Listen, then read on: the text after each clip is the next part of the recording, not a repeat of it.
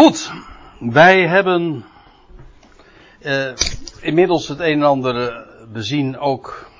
En dat was de laatste kwestie waar we het over hadden. Over uh, de identiteit van die mannelijke zoon. Namelijk dat dat de, de 144.000 zouden zijn. Eigenlijk voor de pauze heb ik het vooral even gehad over de bezwaren die daartegen, die daartegen ingevoerd worden. Namelijk, nou ja, die drie, vier bezwaren die ik zojuist uh, noemde van waarom dat niet de, het lichaam van Christus zou kunnen zijn. En, nou ja, en ik heb dat de bezwaren genoemd. Ik heb ook antwoord uh, daarop gegeven, of in ieder geval erop gereageerd. Of het een antwoord is, dat is helemaal aan u. En dat meen ik zoals ik het zeg. Ik wil het nog een keer benadrukken. Ik word niet moe om dat te zeggen, want ik wil uh, absoluut niet, ik hoop dat u dat van me aanneemt, uh, uh, tweespalt hierover hebben. En als andere mensen hier echt andere inzichten over hebben, prima mensen. En als, de, als mensen dat ook in hun studies naar voren brengen, ik vind dat top.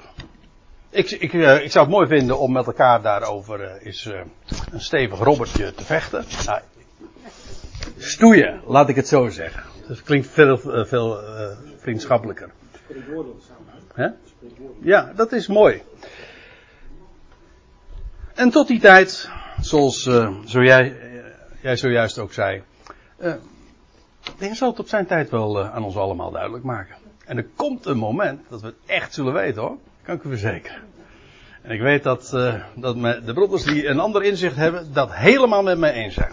Maar goed, nu eventjes uh, de redenen. Nu komen we eigenlijk op, ik denk een, wat mij betreft nog wat belangrijker punt. Namelijk, men zegt van ja, die, 104, de, die mannelijke zoon, dat, dat, dat is een voorstelling van die groep van de 144.000 die in openbaring 7, maar later ook in openbaring 14 wordt genoemd.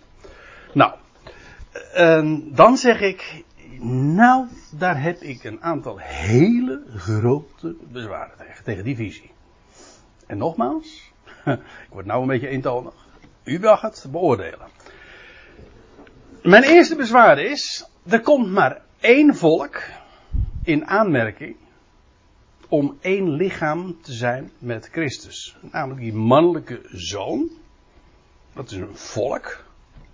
Die wordt voorgesteld als de Christus, namelijk die zal heersen, die bestemd is voor de troon.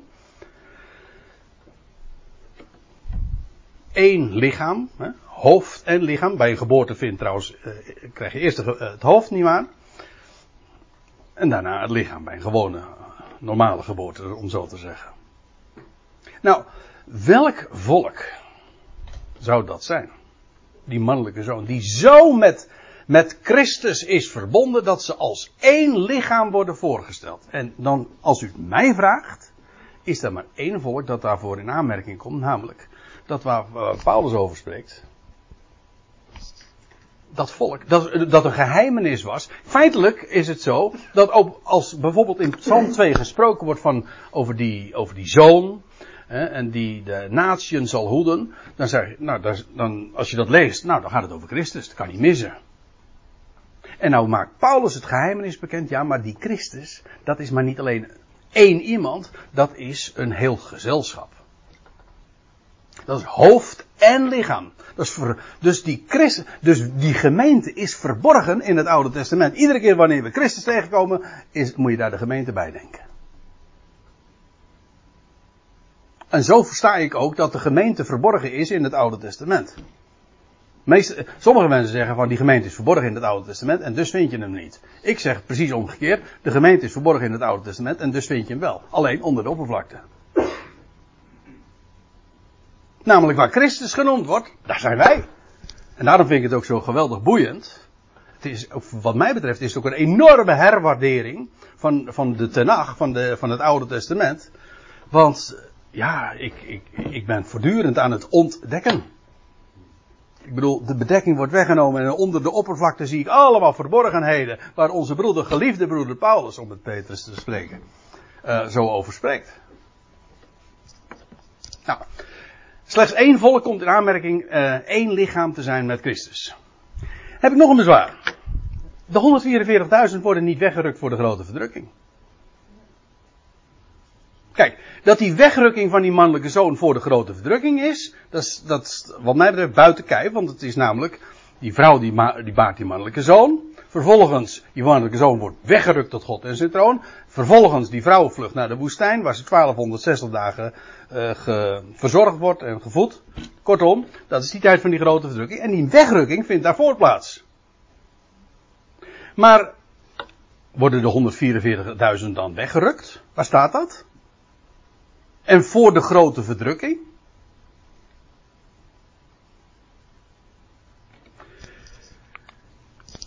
Nog een punt. De 144.000 zijn helemaal niet bestemd voor Gods troon. In de hemel. De 144.000 is een gezelschap uit Israël.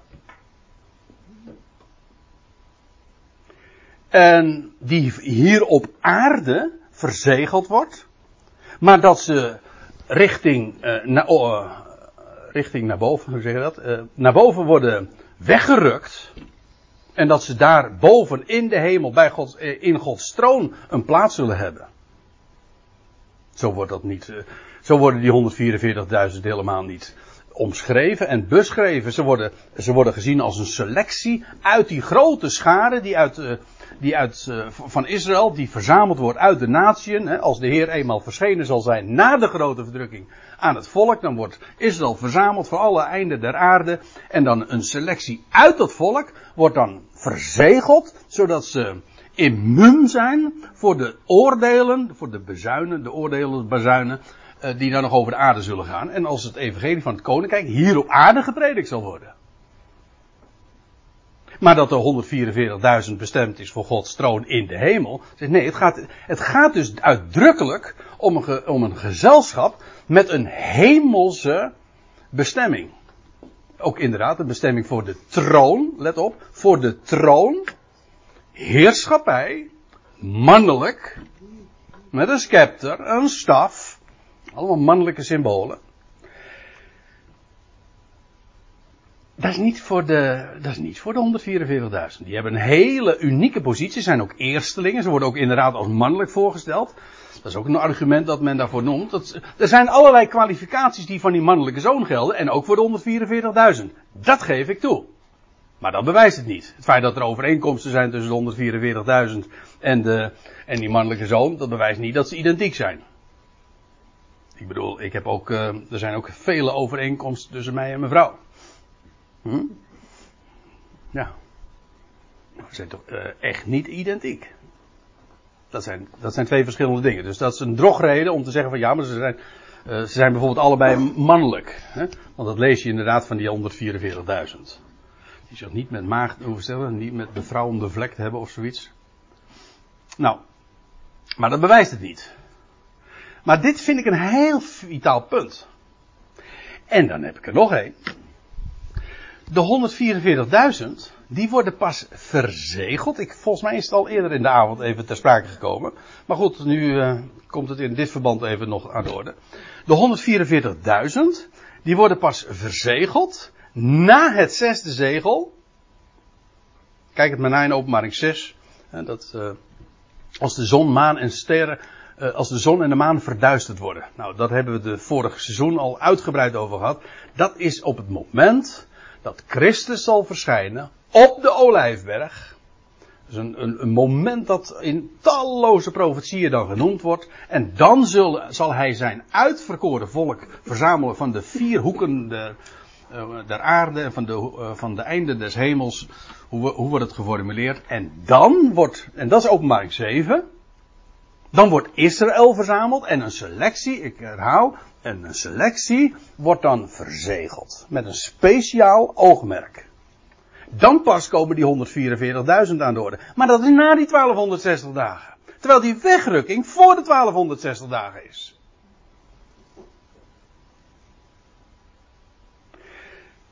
Kijk, ik denk dan waarom. Uh, ja, uh, met excuus voor de arrogantie. Maar ik denk dan, als die mannelijke zoon nou geïdentificeerd wordt met Christus, wordt weggerukt voor de grote verdrukking, tot bestemd is voor God en zijn troon, dan hoeft het toch niet zo moeilijk te zijn nogmaals, zo kijk ik er tegenaan. Om die gemeente, om daarin de gemeente te herkennen. Welk volk komt hiervoor in aanmerking? Zijn de 144.000 gaan die naar de hemel voor de grote verdrukking? Ze zijn dan nog niet eens geselecteerd. En ze zijn ook helemaal niet, ze hebben niet die bestemming naar boven. Nou ja, ik hoef dat nu verder niet te herhalen. Ik, ik heb mijn vier punten genoemd. En daar wil ik het even bij laten. Ja, niet voor vanavond, we gaan nog even verder, maar eventjes wat, uh, wat die kwestie dus betreft. Ik, ging, ik, wilde daar toch even wat serieuzer op ingaan, omdat dat een hele serieuze overweging is. Die mannelijke zoon, dat dat de 144.000 zouden zijn. En, uh, nou ja, zo, uh, zo versta ik deze dingen. En dan zeg ik er tenslotte bij, voor wat het waard is.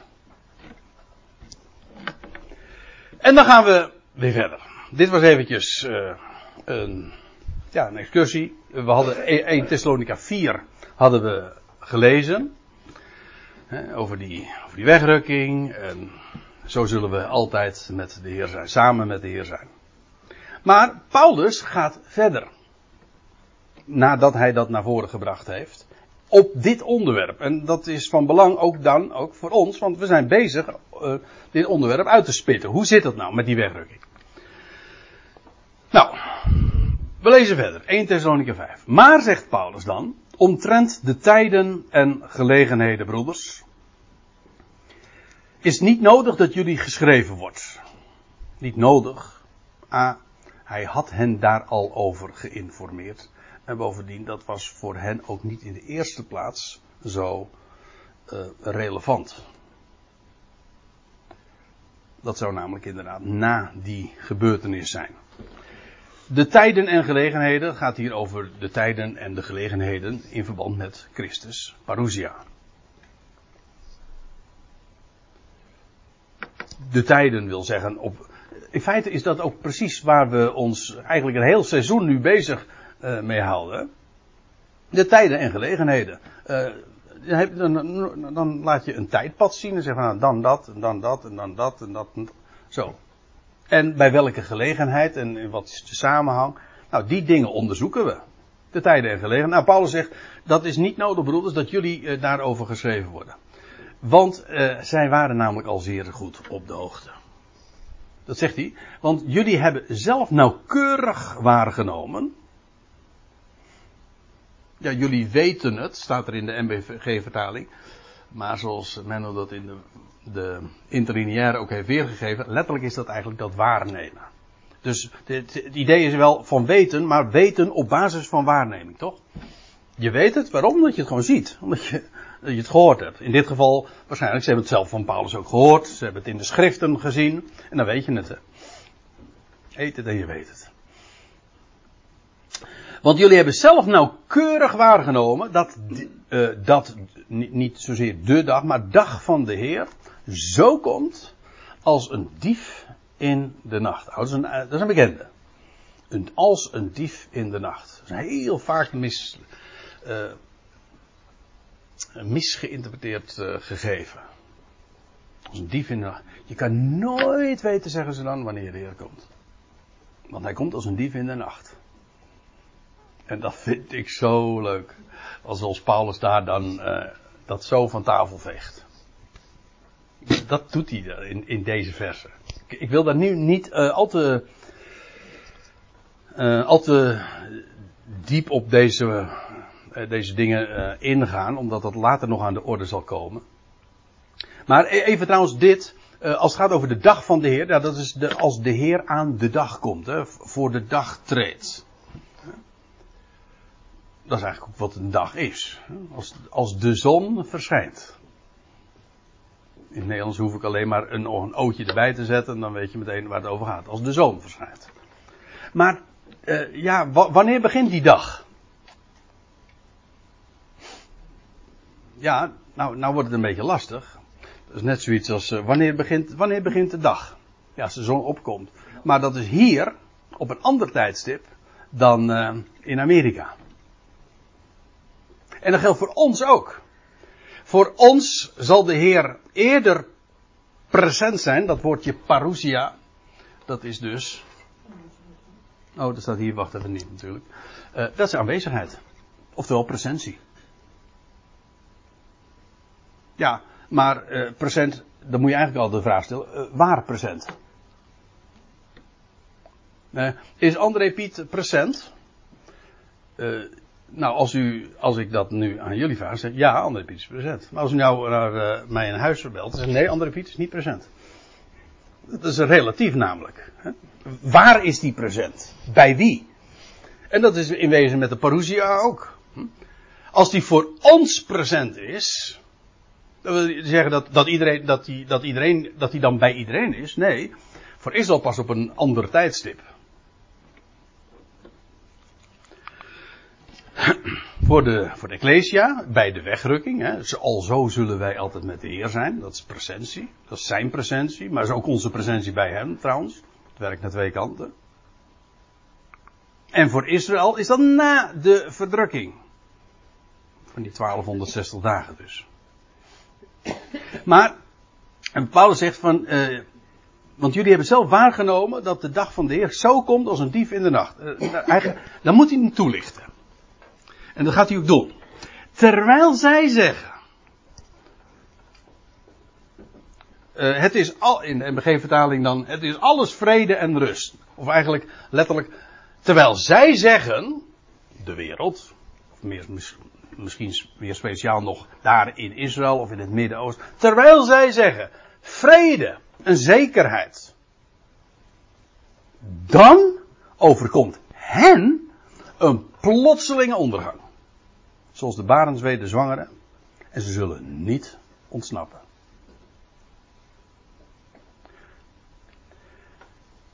Dat zal er namelijk aan vooraf gaan. We hadden het net over de wegrukking. Die wegrukking vindt plaats met het oog op een dreigend gevaar. Hè. Je wordt behoed voor. Hè. Uh, het is een berging. Hè. Je, zoals je dat bij een, uh, een evacuatie hebt. Je wordt eruit ge, uitgenomen en geëvacueerd. Maar als dat gebeurt, dan zal dat zijn op een tijdstip dat men iedereen nog riep: vrede, rust, zekerheid. Dat komen we, we hadden het eerder over de zegels in het boek Openbaring. Het eerste zegel in het boek Openbaring, dat is in Openbaring 6, vers 2. En dan lees je dat Johannes zegt: En ik nam waar en neem waar. Zie, een wit paard. En hij die erop zit heeft een boog. En aan hem werd een lauwe kans gegeven. En hij kwam uit overwinnende en om te overwinnen. Alle, niet een pijl en boog, alleen een boog. En dan lees je dat tweede paard. Hè, wordt dan, dat is een faalpaard. Nee, geen faalpaard, dat is dat rode paard zeker. Ja, van oorlog, ja. Want de, die neemt dan, de, er staat erbij, om de vrede van de aarde weg te nemen. Dus dat betekent dat voordat dat gebeurt, er een tijd zal zijn van vrede. Daar begint het al mee. Het begint met een tijd van vrede en zekerheid. Het is zelfs zo sterk dat er hier gesproken wordt over, ik neem waar, een wit paard en hij die daarop zit. En dan zou je zweer, nou sorry dat ik het zo zeg, dan zou je, dat moet de Messias zijn.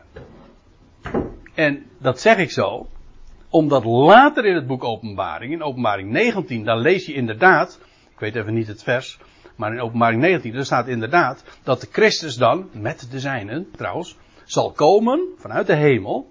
En dan staat er, en hij die, die erop zat, zat op een wit paard. Paard is al, heeft altijd te maken met uh, triomf. Met verhoging. Zoals een ezel trouwens altijd met vernedering te maken heeft. Ik ken iemand die zei: een ezel is eigenlijk een vernederd paard. Een nederig paard. Maar goed, een wit paard. En het is in wezen een beschrijving van de Messias. Moet u zich voorstellen wat er gaat gebeuren. Het begint niet met een enorm gevaar en met, met verderf. Nee, het begint met enorme vrede. En degene die dat allemaal zal initiëren. En degene die over de aarde gaat met een boog. En die, die, die, die, hij kwam uit overwinnende. En om te overwinnen. Dus hij, overal heeft hij zijn triomf. En hij lijkt als twee druppels op de Messias. Hij wordt zelfs met dezelfde manier, op dezelfde manier beschreven. Zodanig zelfs dat heel, ik ken een, een hele bosjes uitleggers die zeggen dat, dat, dat paard in openbaring 6, uh, dat is, dat is, hier gaat het over de Messias. Nou, dan ontgaat de uitleggers toch echt wat hoor. Ja, ja, nee, echt waar. Ik meen dat. er zijn er die zeggen van dat gaat over Christus. Maar het is juist. Het gaat over degene die lijkt op de Christus. En dat is wat er gaat gebeuren. Dat de hele wereld zegt vrede. Zekerheid. Rust. Het is alles vrede. En men zal denken, dit is de beloofde Messiaanse tijd. Die tijd gaan we binnenkort beleven. Ik denk dat we daar ons heel goed van bewust moeten zijn. Wat een enorm, dat wordt ook het eerste wat er genoemd wordt als de Heer Jezus spreekt over, uh, over de, de tijd van het einde. En uh, nou, Matthäus 24. Zie toe dat niemand je misleiden. Want er zal een enorme misleiding zijn. Omdat men zal dus weren van, dit is nou die tijd. Die, de islam, het christendom hadden het allemaal over die messias die zou komen. En zo waar. Daar is die. Een tempel daar en, en, en de moslims. Het wordt een vredesovereenkomst. Hoe dat allemaal vormgegeven zal worden, dat weet ik niet. Maar ook een tijd van enorme welvaart. En nou, je kunt je voorstellen dat als ze daar in het Midden-Oosten. Ik bedoel, waar nu alles eh, in een, in, een, in een bodemloze put verdwijnt van alle investeringen van oorlog en, en, en vernieling. Als ze daar de handen in één gaan slaan. Hè, en dat er gewoon samenwerking is. En dat zal ook religieuze vormen krijgen. Het is niet alleen maar dus een, een politieke eenheid. Nee, dit is precies wat men godsdienstig verwacht. En de, de, de misleiding zal gigantisch zijn. En ja, wereldwijd. En in ieder geval daar ook in het Midden-Oosten.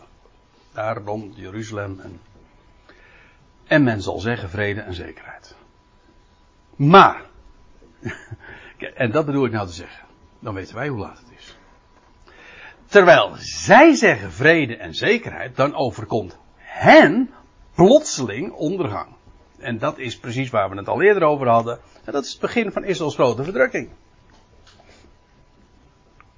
Ja, wat, wat trouwens heel karakteristiek daarvoor is, is dat uh, op het tempelplein zal de, de offerdienst gestaakt worden. Er zal, let op, dat, betekent, dat daarmee veronderstel ik dus dat daar op het tempelplein dus weer een offerdienst komt. Hè? Dat kan niet missen. Maar wat de Bijbel zegt is, die offerdienst gaat gestaakt worden.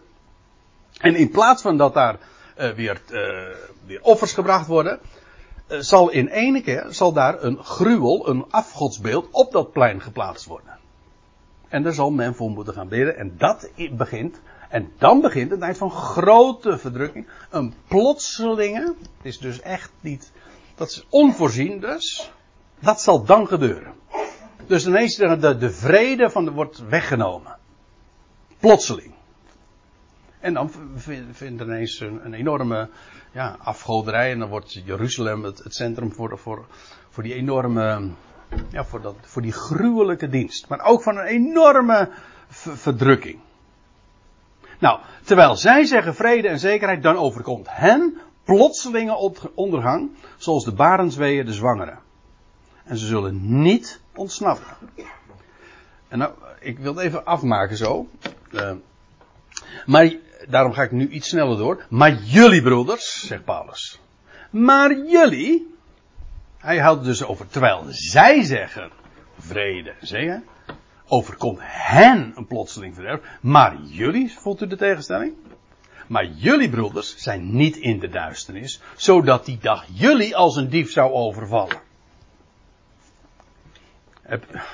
u voelt nu wel aan waar ik het net over had, hoe die tekst altijd wordt mis, uh, misgeïnterpreteerd. Als, als men zegt van, over, als we het hebben over het wanneer van de terugkeer, dan dat kun je nooit weten, André. Dat kun je echt nooit weten. Want hij komt als een dief in de nacht. Als je gewapend bent natuurlijk met uh, Paulus' woorden. Hij zegt van vertroost elkaar met deze woorden. Ook, ook deze woorden. Dan zeggen nee, voor ons niet. Dat hoeft tenminste niet. Kan wel hoor, trouwens. Als je sust en uh, hoe staat het er? Sluimert. Dut. Ja. Maar jullie broeders zijn niet in de duisternis, zodat de dag jullie als een dief zou overvallen. Dat hoeft helemaal niet. Dus ik geloof dus niet dat die dag zomaar. Uh, dat, wat, dat wordt. Ja, dat is ook weer een controversieel punt, sorry. Uh, dat die zomaar kan gebeuren. Ik geloof dus niet dat die opname, die wegrukking, nu kan gebeuren. Nee, als zij zullen zeggen vrede en zekerheid. Dan zal die dag hen plotseling overvallen. Ons overvalt het niet. Het is niet zo plotseling. Het kan altijd zomaar gebeuren. Nee, het is een specifieke context waarin dat plaatsvindt.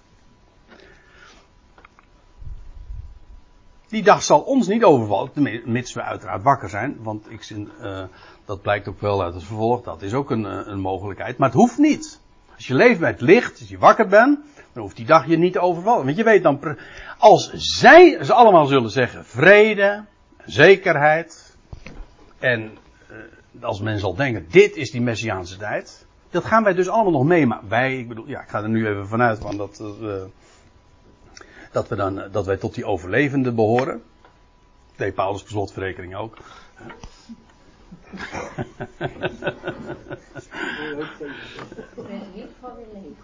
Hè? Ja, precies, ja.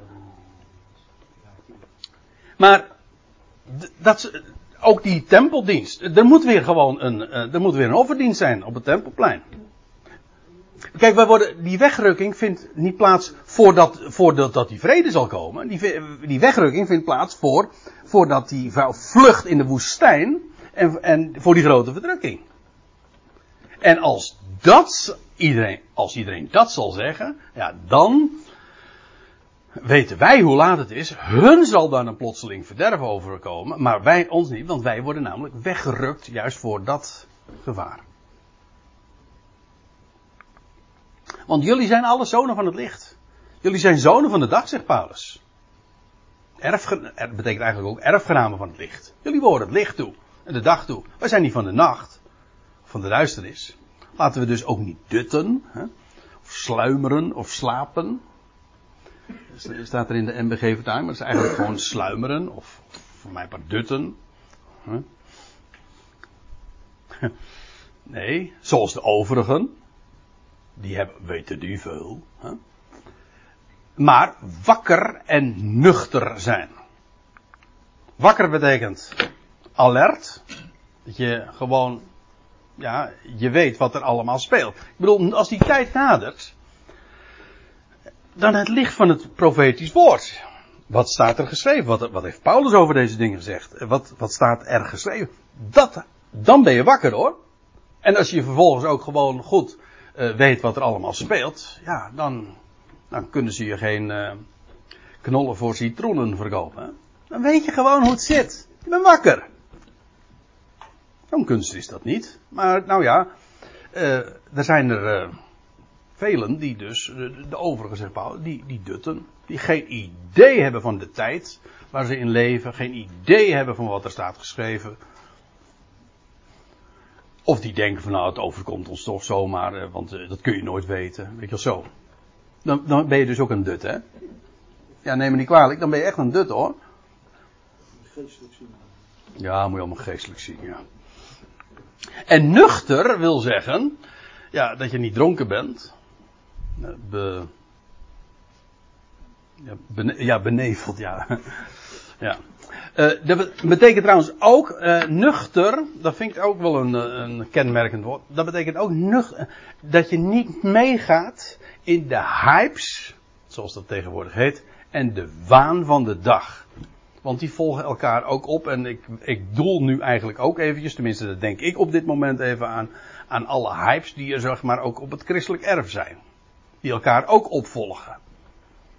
We hebben net uh, vorige Bijbelstudie was op 23 september, toch? Nee, oh nee, dat was net er aan voorafgaand. Ja. Nou ja, rond die tijd. Hm? Oh ja, ja, rond die tijd. Nou ja, toen hebben we het er nog eh, uitgebreid over gehad. Maar laten we wel weten, ja, achteraf is, dan kun je zeggen van ja, is altijd makkelijk praten. Maar het is gewoon een hype. En mensen gaan daar zo gemakkelijk in mee. En ze zijn niet kritisch. En van ja, is het echt zo? En als, als dan bepaalde leidende figuren dat dan zeggen. Dan, ja, god, dan zal het wel zo zijn. Maar gewoon wees kritisch ook. Nuchter. En laat je niet zomaar meeslepen door wat men zegt. Denk zelf na. Nou, ik hoop dat, ik, dat die oproep voor vanavond ook goed geklonken heeft. Denk gewoon zelf na. Niet van, oh, die, de, bijbelleraar André Piet die zegt, wat maakt dat uit?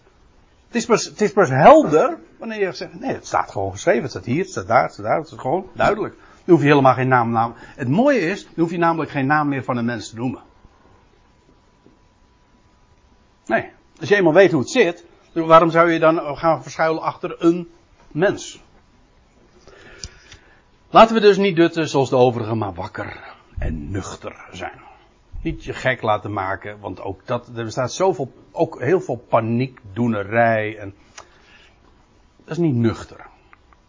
Want zij die dutten, die dutten des nachts. Nou ja, ik denk bij mezelf, er zijn er ook. Het hoort eigenlijk in de nacht, zo moet het eigenlijk dan zijn. Want de meeste mensen uh, dutten overdag.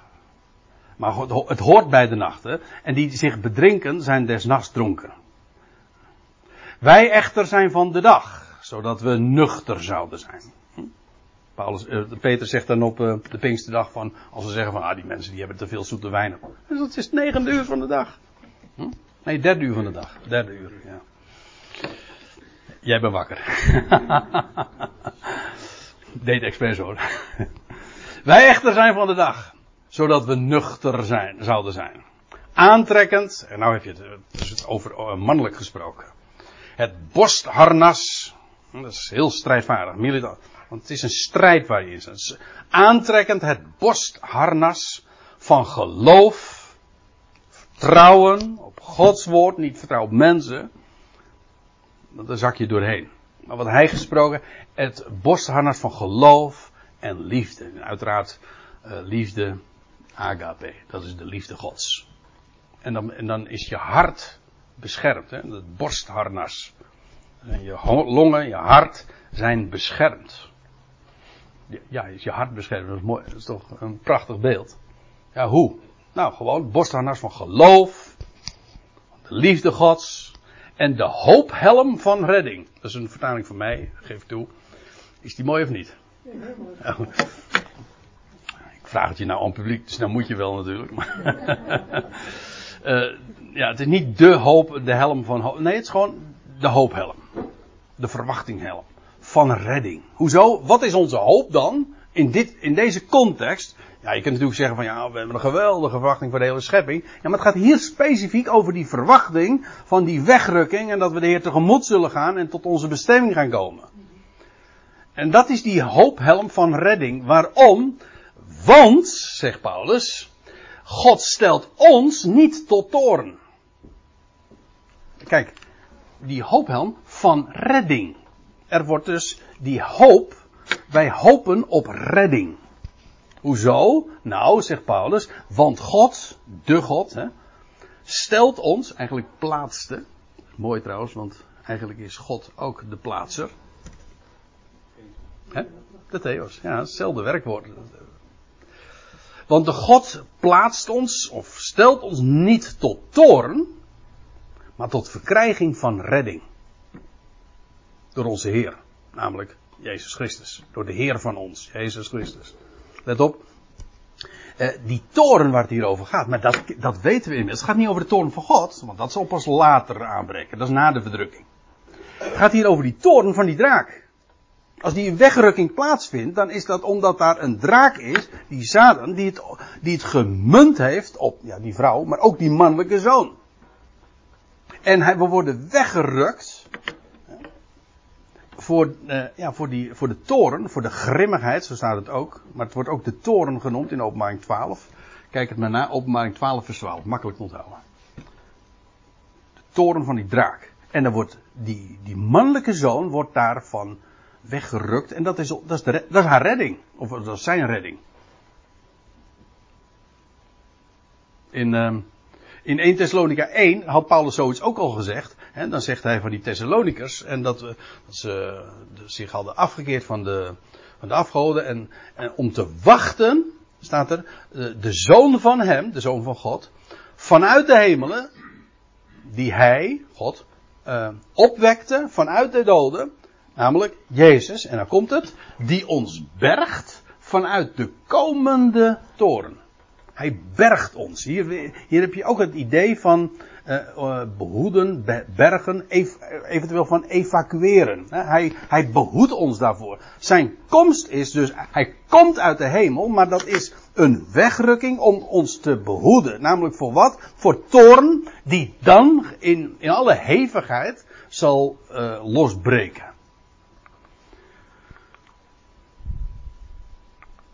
Nou, dan lees ik dit nog eventjes uh, even door. Uh, het ging dus over onze Heer Jezus Christus. Die was, die was stervende ten behoeve van ons. Opdat wij, het zijn we zouden waken, het zijn wij dutten. Dus dat is een fikse troost voor alle mensen die dan desondanks toch niet wakker zijn. Dan zeg ik van, en toch ga je mee hoor. Ja, als je hem kent, als je Heer, je weet wie hij is, dat God hem uit de doden heeft opgewekt, ja, dan hoor je daarbij. Ook als je dut. Het zijn we zouden waken, het zouden we dutten. Tegelijkertijd samen met hem zouden leven. Daarom, zegt Paulus, dat is dan de conclusie, en dat is ook de conclusie die ik dan betrek nu, aan het einde van deze avond. Daarom, bemoedigt elkaar, bouw elkaar op, zegt Paulus dan ook eh, erbij, zoals jullie dat ook doen. Want Paulus had hele goede berichten gehoord vanuit Thessalonica. En, en nou, hij, hij stimuleert ze om in deze woorden, in deze verwachting, elkaar ook aan te moedigen, te onderwijzen. Hij had ze niet onwetend gelaten. ze wisten nu hoe laat het ook was.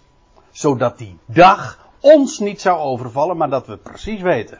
Van dat als iedereen in de wereld zal zeggen vrede, dan zijn wij alert, dan weten we van, ah, nu is uur u bijna aangebroken. En dan weten we het. En dan gaat het gebeuren. Dus wij weten het. Dus dan heb ik nog, hebben we nog niet eens een jaartal genoemd of zo. Daar gaat het helemaal niet om. Dat noemt Paulus hier ook dus niet, hè? Nou, oké. er zijn chronologische aanwijzingen, maar daar hebben we het nu helemaal niet over. Nu is het gewoon, het gaat dus niet zozeer om tijd, het gaat om de gelegenheid. Als iedereen in de wereld zal zeggen vrede, vrede, geen gevaar, zekerheid, dan, dan gaat het inderdaad dan is het uh, oppas, nou in ieder geval, uh, dan is het moment van waken helemaal uh, to, the, to the point en aan de orde. Dan gaat het gebeuren. Ik stel voor dat we het voor vanavond daarbij laten. Of tenzij er nog hele dringende vragen zijn, er zijn nog twee minuten, dus als u een hele korte vraag. Zeg het eens Francesca. Nee, is alles duidelijk? Remco.